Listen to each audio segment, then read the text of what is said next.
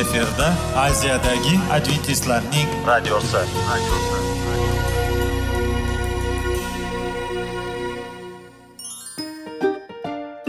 assalomu alaykum aziz radio tinglovchilar sog'liq daqiqasi rubrikasiga xush kelibsiz. Zero tananing sog'lom bo'lishi va uning kasalliklardan saqlash har bir insonning burchi hisoblanadi. Inson uchun bebaho boylik bu sog'liq salomatlikdir uni asrash esa har birimizga omonat qilib berilgan. Shuning uchun ham inson o'z sog'lig'ini ehtiyot qilishi voajib amallardan hisoblanadi. Dono xalqimiz sog'liq tuman boylik deb bejiz aytmagan. Aql idroq sohibi bo'lgan inson o'z hayotini qadrlashi lozim bo'ladi. Hozirgi kunda qanchalik dori darmonlar ko'paymasin tibbiy muassa sifati shifokorlar vasiyasi tibbiy texnika yaxshilanmasin. Agar insonning o'z salomatligi haqida qayg'urmasa kutilgan natijaga erishib bo'lmaydi va biz sizlarga bizning dasturimizga xush kelibsiz deymiz.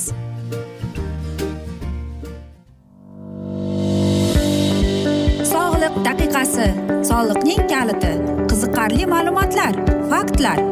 Har kuni siz uchun foydali maslahatlar. Sog'liq daqiqasi rubrikasi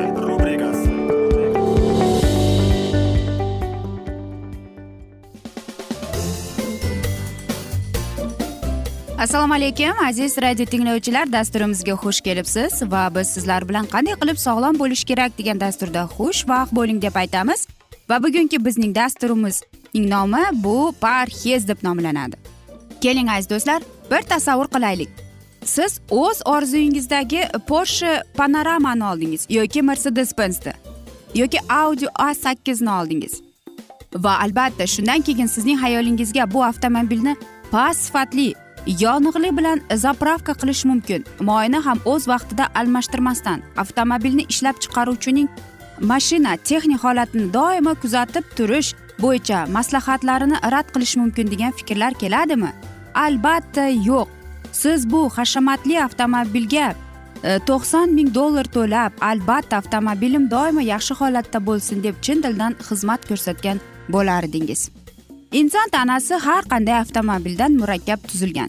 Inson tanasi intellekt chegarasini bilmaydigan g'aroyib injener fikri ya'ni hujayralarning ajoyib qurilishi va ishlashi miyaning murakkab tuzilishi yurakning tuzilishi va g'aroyib ilohiy tug'ilish to'g'risida o'ylab ko'ring. Inson a'zolarining sinqovlik bilan o'ylagan qurilmasi bizni hayratda qoldiradi. Bizni sevadigan yaratuvchi bizni xuddi hashamatli avtomobil singari. Qanday bo'lsak shundayligimizcha yaratish uchun imkon qadar eng yaxshi jihatlarni tanlab olgan. Tanamizga bizga hayot quvvatini beradigan eng yaxshi yonig'lig'iga muhtoj. Bu yonig'liqni biz tanovul qiladigan ovqatdan kiradi. Agar hashamatli avtomobilni sifatli yonig'li bilan zapravka qilmasak uning imkoniyatlari pasayadi quvvati yo'qoladi dvigatel bir tekis ishlamaydi. Xuddi shu singari to'g'ri ovqatlanmasdan bizning tanamiz lozim darajada ishlay oladi. Eng yaxshi mahsulotlardan tashkil topgan muvozanatlashgan parhez a'zolarimizga o'stirish uchun zarur va kerakli. Hayotimizni qo'llab quvvatlaydigan va sarf qilingan quvvatni to'ldiradigan oziqlantiruvchi moddalarni beradi. Biz sifatsiz mahsulotlarni tanlaganimizda yoki eng yaxshi mahsulotlarni kam iste'mol qilganimizda a'zolarimiz azob chekadi. Agar nihoyatda ko'p rafinlangan e, mahsulotlarni iste'mol qilsak ortiqcha vazn yig'ilish xavfi paydo bo'ladi. Va buning oqibatida hayotimiz uchun muhim bo'lgan oziqlantiruvchi moddalarni kerakli darajada ololmaymiz. Bizni yaratgan sog'lig'imiz yaxshi bo'lishi uchun nima qilgan bo'lsa hozir ham shunday qilishda davom etmoqda. Shuning uchun biz sog'lig'imiz haqida qayg'u g'amxo'rlik qilishimiz lozim. Havoriy yuhano ibodat qilganda shubhasiz rabbiyning xohishini ifoda etgan. Mahbubim sening joying huzur topgandek yana bir jihatdan huzur topib sog' salomat bo'lishingni tilayman deb aytgan. Sog'liq haqida g'amxo'rlik biz masihiylar sifatida bajarayotgan diniy majburiyatlarimizga qo'shimcha ravishda qilishimiz kerak bo'lgan nimadir emas. Bu masihiyligimiz ajralmasi elementi. Bizga nisbatan xudo rejasining bir qismi noto'g'ri tushunmang. Biz ovqat bilan osmonga o'zimizga yo'l tayyorlayapmiz. Biz xudodan inoyat topib iymonimiz tufayli qutulganmiz. Ammo sifatsiz ovqatlarni iste'mol qilib bizning hayotimizga nisbatan xudoning rejasini barbod qilishimiz mumkin. Chunki bunday ovqatlanish oldini olish mumkin bo'lgan xastalik va o'limni ertaroq olib keladi. Biz iste'mol qilayotgan mahsulotlar juda muhim deb o'zingizni o'zingiz aldamang. Albatta aziz do'stlar e, bilamiz hammamiz ham olimlar shuni aytadiki to'g'ri ovqatlanish kerak ekan deb. Lekin e, sizlarga mana shu moshinadek e, mana misol qilib ko'rsatdik. Albatta har bir e, inson yoki ayniqsa erkaklarimiz tushunadi agar shunday moshina bo'lsa siz uni arzon yoniqliq bilan e, zapravka qilmaysiz to'g'rimi? Siz uni sifatli va qimmatli yoniqliq bilan zapravka qilasiz.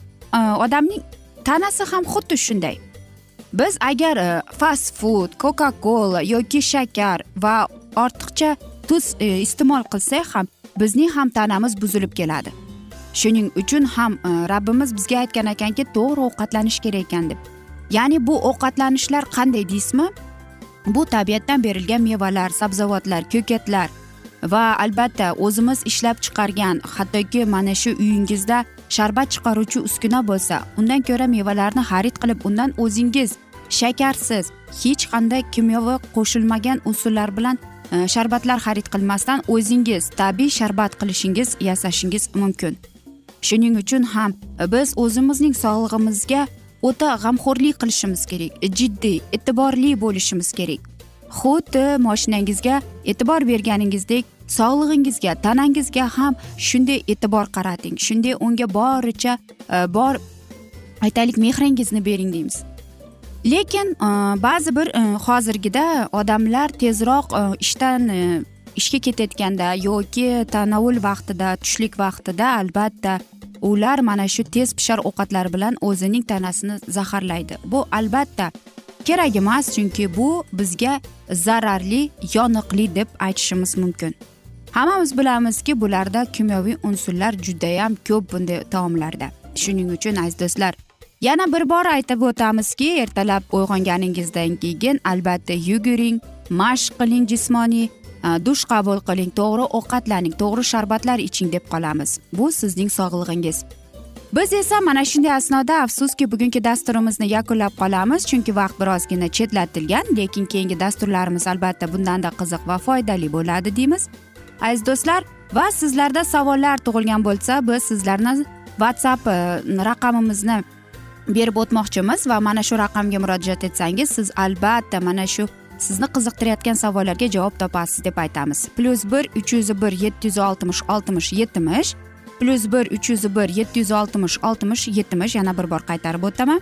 Va salomat klub internet saytimizga taklif qilib qolamiz aziz do'stlar. Va umid qilamanki bizni tark etmaysiz deb chunki oldinda bundanda qiziq va foydali dasturlar kutib kelmoqda. O'zingizni ehtiyot qiling deb xayrlashib qolamiz.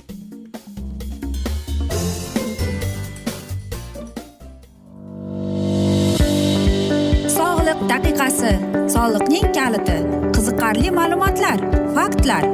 Har kuni siz uchun foydali maslahatlar. Sog'liq daqiqasi rubrikasi.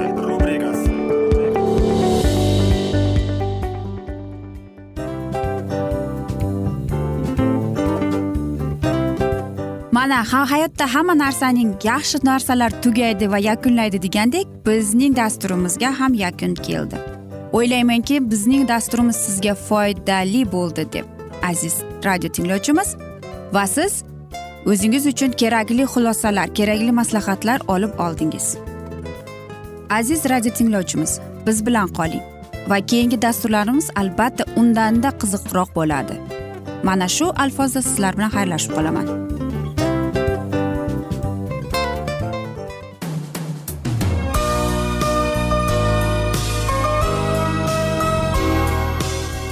Efirda aziyadagi adventistlarning radiosi.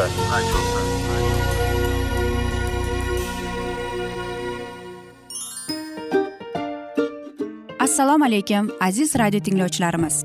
Dil izhori dasturimizga xush kelibsiz. Pul insonni baxtli qiladimi? Albatta yo'q. Sog'liqchi? Albatta bo'lishi mumkindir. Lekin olimlar shuni isbotlashdiki to'liq va mukammal munosabatlar insonlarni baxtli qilar ekan. Albatta biz hayot davomida biz yaqin insonlar bilan odamlar bilan aloqada bo'lamiz va ular bilan munosabatlarimiz qanday kechadi qanday tuziladi? Yigit va qiz er va xotin ota ona va farzandlar va yaqin insonlar bilan. Balkim hozirgi vaqtda kimnidir hayoti yoki munosabatlari buzilyapti. Va bizning dasturlarimiz ularga yordam bo'ladi deb. Va oldinda sizlarni qiziqarli intervyular va mavzular kutyapti va biz umid qilamizki siz biz bilan qolasiz deb.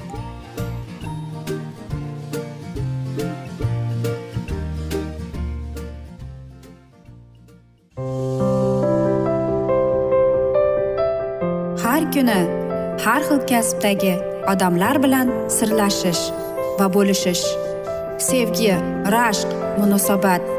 Bularni hammasi dil izhori rubrikasida.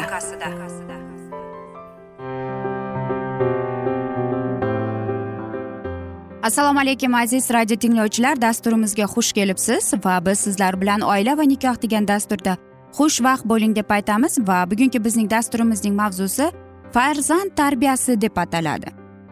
Asabiylashmang o'zingizdan boshlang. Avvalambor bolalar bizning kayfiyatimizni his qilib undan ta'sirlanadilar. Xotirjam ayollarning farzandlari ham xotirjam bo'lishadi. Ikkinchidan bolalar bizning ulkan e, sabrimizga muhtojlar. Bizning shuning uchun e, sizning ruhiy holatingiz ham yaxshi holatda bo'lishi lozim. Uy ishlari qolib ketsa ham albatta tiniqib uxlang. Agar qarindoshlaringiz sizga yordamlarni taklif qilsalar rad etmang. Uydan tashqariga chiqishsa va onda sonda bo'lsada uy jihozlarini o'zgartirib turishga harakat qiling.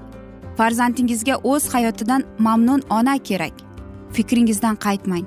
Agar farzandingizga va'da bergan bo'lsangiz albatta uni bajaring.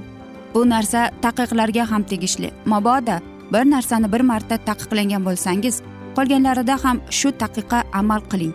Shuningdek ona bilan mumkin emas ota bilan mumkin degan tushuncha ham bo'lmasligi kerak. Oilaning barcha a'zolarida to'g'ri tarbiya qilish strategiyasi bo'lishi lozim. Urmang agar bolaga qo'l ko'tarsangiz bu yengilgina shapati bo'lsa ham unga kelishmovchiliklarni kuch bilan hal qilishni o'rgatasiz. Bolakay kim kattaroq kuchliroq bo'lsa haq bo'ladi deb o'ylaydi. Buning xavfli tomoni u katta bo'lgach bizni sizga nisbatan ham xuddi shu ishni qilishi mumkin bo'lishadi. Aldamang! Agar emlatishga ketayotgan bo'lsangiz hammasini boricha ayting. U yerda senga ukol qilishadi. Bu yoqimli holat emas ammo men men yoningda bo'laman deng. Agar farzandingiz sizdan biror narsa so'ragan bo'lsa va u sizning yodingizdan ko'tarilgan bo'lsa shunchaki uzr so'rang.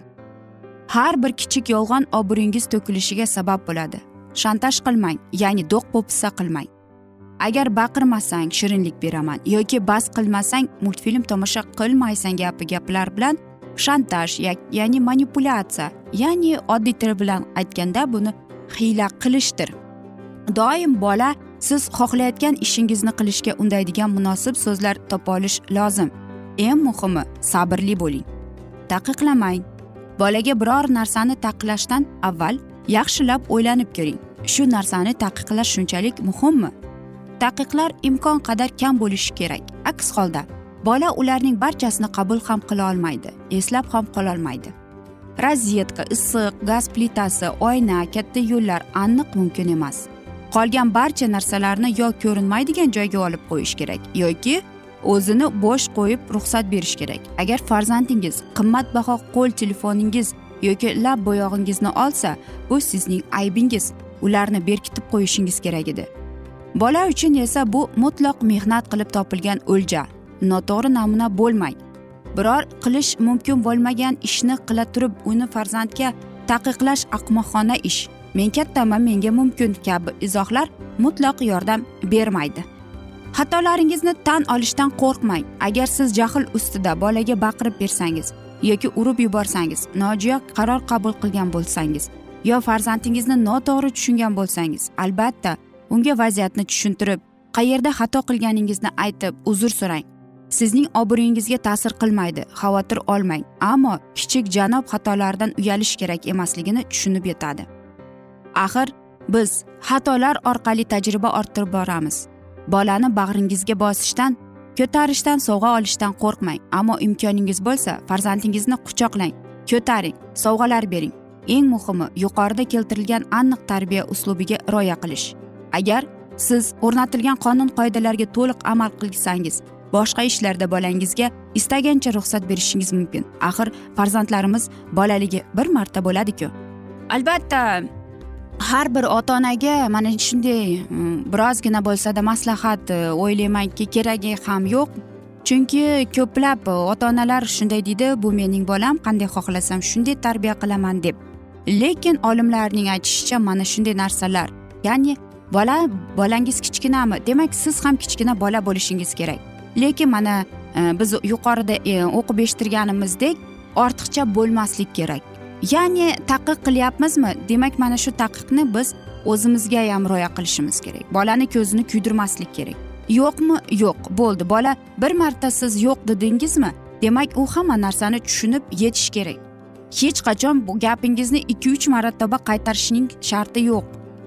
Shuning uchun ham aziz do'stlar bilasizmi ko'plab e, hozirgi oilalarda bolalarni erkalatadi va mana masalan birinchi sinfga boradi qo'l telefoni bor kompyuteri bor lekin mana shu narsalar kerakmikin aziz ota onalar yaxshilab o'ylanib ko'ring. Axir biz o'zimiz na qo'l telefonimiz bor na e, bizdagi aytaylik kompyuterlar bo'lmagan.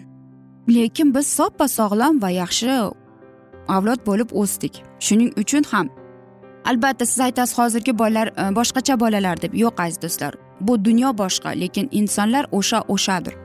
Shuning uchun ham aziz do'stlar aziz ota onalar farzandingizni erkalashi ham me'yorida bo'lishi kerak taqiqlar ham me'yorida bo'lishi kerak. Hamma narsaning me'yori bo'ladi lekin bolangiz qanday bo'lsa ham uni sevish kerak. Bu bizning farzandlarimiz. Biz esa aziz do'stlar mana shunday asnoda afsuski bugungi dasturimizni yakunlab qolamiz. Chunki vaqt birozgina chetlatilgan.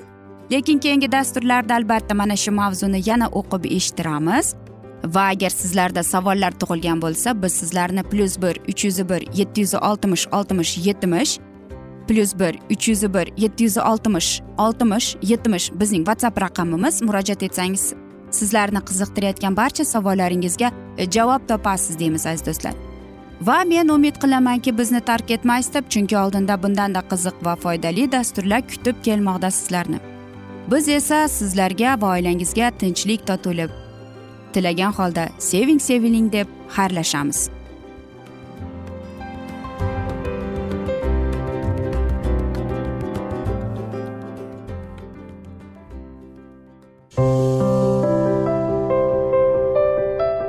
Har kuni har xil kasbdagi odamlar bilan sirlashish va bo'lishish. Sevgi rashq munosabat bularni hammasi dil izhori rubrikasida. Mana aziz radio tinglovchimiz bizning go'zal va foydali va chiroyli dasturimiz yakunlanib bormoqda. Sizlarga birozgina maslahat berib o'tmoqchi edik. Bir biringizni seving qadringizga yeting. Va erkalang albatta bir biringizni va sizga judayam chiroyli va mustahkam munosabatlar tilab qolamiz albatta. Sevgilingiz doimo yoningizda bo'lsin. Mana shu borada sizlar bilan xayrlashib qolamiz. Xayr.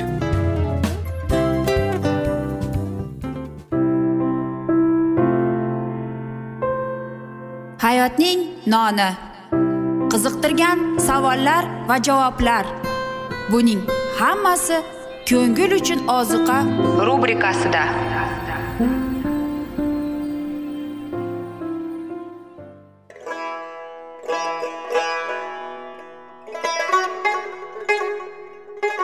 Assalomu alaykum aziz radio tinglovchilarimiz. Ko'ngil uchun oziqa rubrikasida xush kelibsiz deymiz. Siz haqiqatni izlayapsizmi? Olamnimi? Umidnimi? Siz kimga murojaat qilmoqchisiz? Odamlar ko'pincha siyosat kuchiga tayanadilar. Dunyo iqtisodiyoti holati tobora chuqurlashib bormoqda.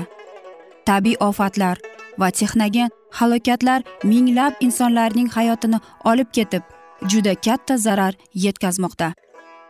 Sizga abadiy hayot inomini hadya qiluvchi va hayotingizni tubdan o'zgartiruvchi haqiqatni izlab toping. Xudo haqidagi haqiqat uning kalomida mujassamlashgan. Kimki bu haqiqatni butun qalbi bilan izlasa albatta unga yetishadi. Bu sevgi xudoning tarixidir. Hayotingizda yoki sizning yon atrofingizdagi olamda nimalar yuz berishidan qat'iy nazar? Siz ertagi kunga buyuk umid va ishonch hosil qilishingiz mumkin.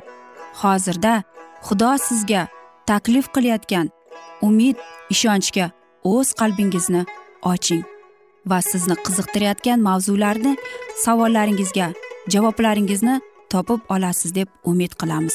Biz bilan qoling.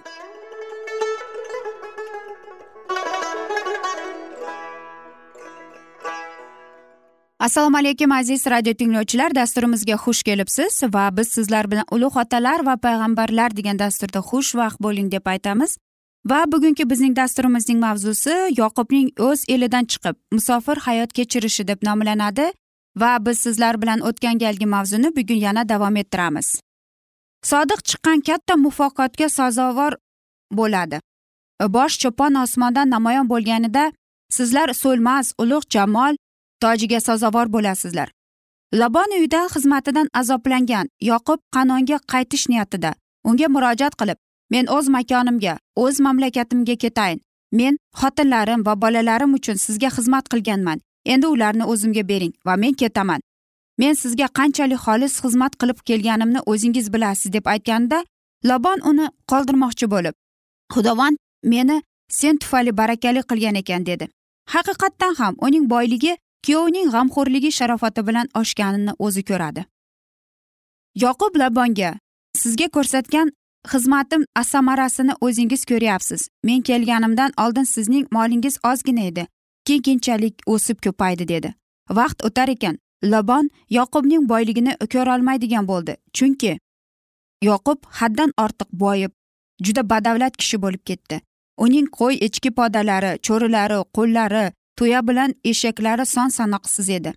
Labon o'g'illari otalarining rashqini o'zaro bo'lib ularning jahldor so'zlari yoqubning qulog'iga yetib bordi. Mana yoqub otamizning hamma narsasini o'zlashtirgan otamizni shilib o'zining butun bu boyligini orttirgan. Yoqub labonning avzoyini ko'rsaki u ham ilgarigiday unga yaxshi so'z bilan qaramayotganini sezdi. Yoqub hiylagar qarindoshlarini allaqachon qoldirib chiqib ketgan bo'lar ediku u esov bilan uchrashgani qo'rqar edi. Endi esa u labon o'g'illarining tomonidan xavf sezdi. Yoqubning boyligiga ular o'zlariniki bo'lgandek qarashdi va kuchlab olib qo'yishlari mumkin edi. Yoqub xavotirlanganidan dovdirab qoldi va nima qilishni bilmas edi. Keyin xudovandning mehribon va'dalarini esladi. Unga o'z holatini ibodatda so'zlab berdi va yordam so'radi. Tushida yoqub ibodatga javob oldi. Sen ota bobolaringning yeriga tug'ilgan yurtingga qaytib bor. Men sen bilan bo'laman. Labon uydan ketishga qulay fursat tug'ildi va yo'lga chiqish imkoniyati paydo bo'ldi. Tezda podalarni yig'ib ularni oldin chiqarib yubordi. Keyin esa xotini keyin bolalari va xizmatkorlari bilan kanon mamlakatiga otasi ishoq huzuriga qarab yo'lga tushdi. Frot daryosidan o'tdi galet tog'ligiga qarab jo'nadi. Uch kundan keyin lobon uyga qaytib keldi va sodir bo'lgan hodisalarni bildi. Shu zohotin qochqinlar iziga tushdi. Va ularga yettinchi kunga yetib oldi. G'azablangan lobon ularni orqaga qaytarishga kuchi yetardi. Zero kuch uning tomonida edi. Yoqib jiddiy xavfda qoldi. Faqat o'z xizmatkorini himoya qilgan xudovandning qatnashishi tufayli lobonning dushmanchilik niyatlari ro'yobga chiqmadi. Lobon yoqub bilan yuzlashganida sizlarni jazolash mening qo'limdan kelsa kerak dedi. Ammo o'tgan kecha otangizning xudosi menga xitob qildi. Ehtiyot bo'l. Yoqubga yaxshi yomon gaplar bilan do'q po'pisa qilma dedi. Bu so'zlarning ma'nosi labon yoqubni kuchlab yoki quvlik gaplar bilan orqaga qaytarmasin edi yoqub lobon qizlariga uylanganida otalari sarpalarni bermadi va umrbod kuyovga nisbatan muomalasi hiylali va shafqatsiz edi. Endi esa unga mos bo'lgan ikkiyuzlik bilan kuyovini maxfiy ketishiga ta'na qilar edi. Yoqubning javobi labanning bag'ritoshligini va uning qizg'anchiligini fosh qildi. Va o'z sadoqatligini va diyonatkorligini yana bir marta lobonga namoyon qilib ko'rsatdi. Agarda otamning xudosi otam ishoq va bobom ibrohim qo'rqqan tangri men bilan bo'lmaganida edi dedi. Endi siz hozir ham meni quruq jo'natar edingiz lekin xudo mening azobimni va qo'llarim chekkan mashaqqatini ko'rib hech kecha meni himoya qildi. Labon so'z qaytarmay ishni yaxshilik bilan yakunlamoqchi bo'ldi. Yoqub uning taklifiga ko'ndi va tezda ularning orasida guvoh bo'ladigan ahd tuzdi. Ular toshlar yig'ib kelib yusum yasadilar va uni yodgorlik sifatida qabul qildilar.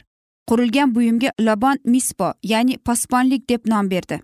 Va dedi lobon biz bir birimizni ko'rmay qolganimizdan keyin xudovand ikkovimizning oramizda posponlik qilib tursin deb. Lobon yoqubga yana shunday dedi men o'rnatgan shu tosh uyumi va mana shu yodgorlik bizning oramizda qolib ketsin. Tepa va yodgorlikdan o'tib men senga yoki sen menga zarba bermasligimizga bu tepa hamda yodgorlik guvoh bo'lib tursin. Ibrohim hamda nahorning shuningdek ularning ota bobolarining xudosi bizning oramizda hukm qilsin. Shunda yoqub otasi ishoq qo'rqqan tangri haqqi qasamyod qildi.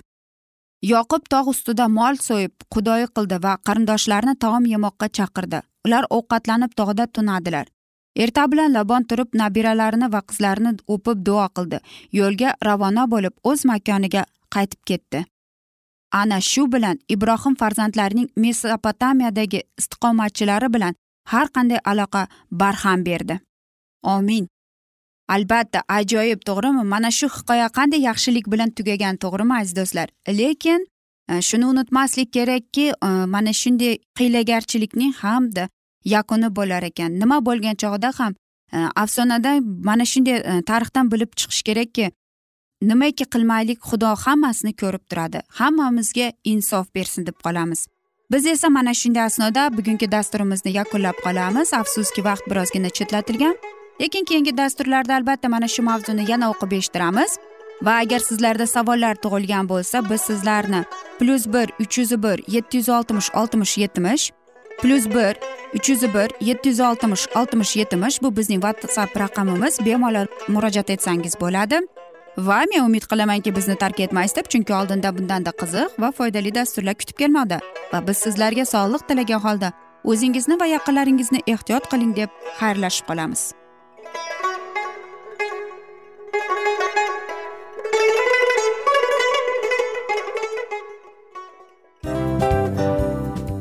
Afsus afsus. Hamma yaxshi narsaning ham yakuni bo'ladi degandek bizning foydali va qiziqarli dasturlarimiz ham yakunlanib qoldi. Va men umid qilamanki bizning dasturlar sizga ozgina bo'lsada maslahat berdi foyda berdi. Va sog'liq borasida ayniqsa sizlarga foydali bo'ldi deb. Va siz bizning maslahatlarga amal qilasiz deb. Albatta keyingi dasturlarda undanda qiziqroq undanda foydaliroq ma'lumot berishga harakat qilamiz. Undanda qiziqroq ko'rsatuvlar sizlarga hadya etishga harakat qilamiz. Bizni tanlaganingizga albatta sizlardan minnatdormiz. Sizlarga baxt omad va sog'liq tilab qolgan holda mana shu alfozda sizlar bilan xayrlashib qolamiz. O'zingizni ehtiyot qiling sog' bo'ling omad sizga xayr.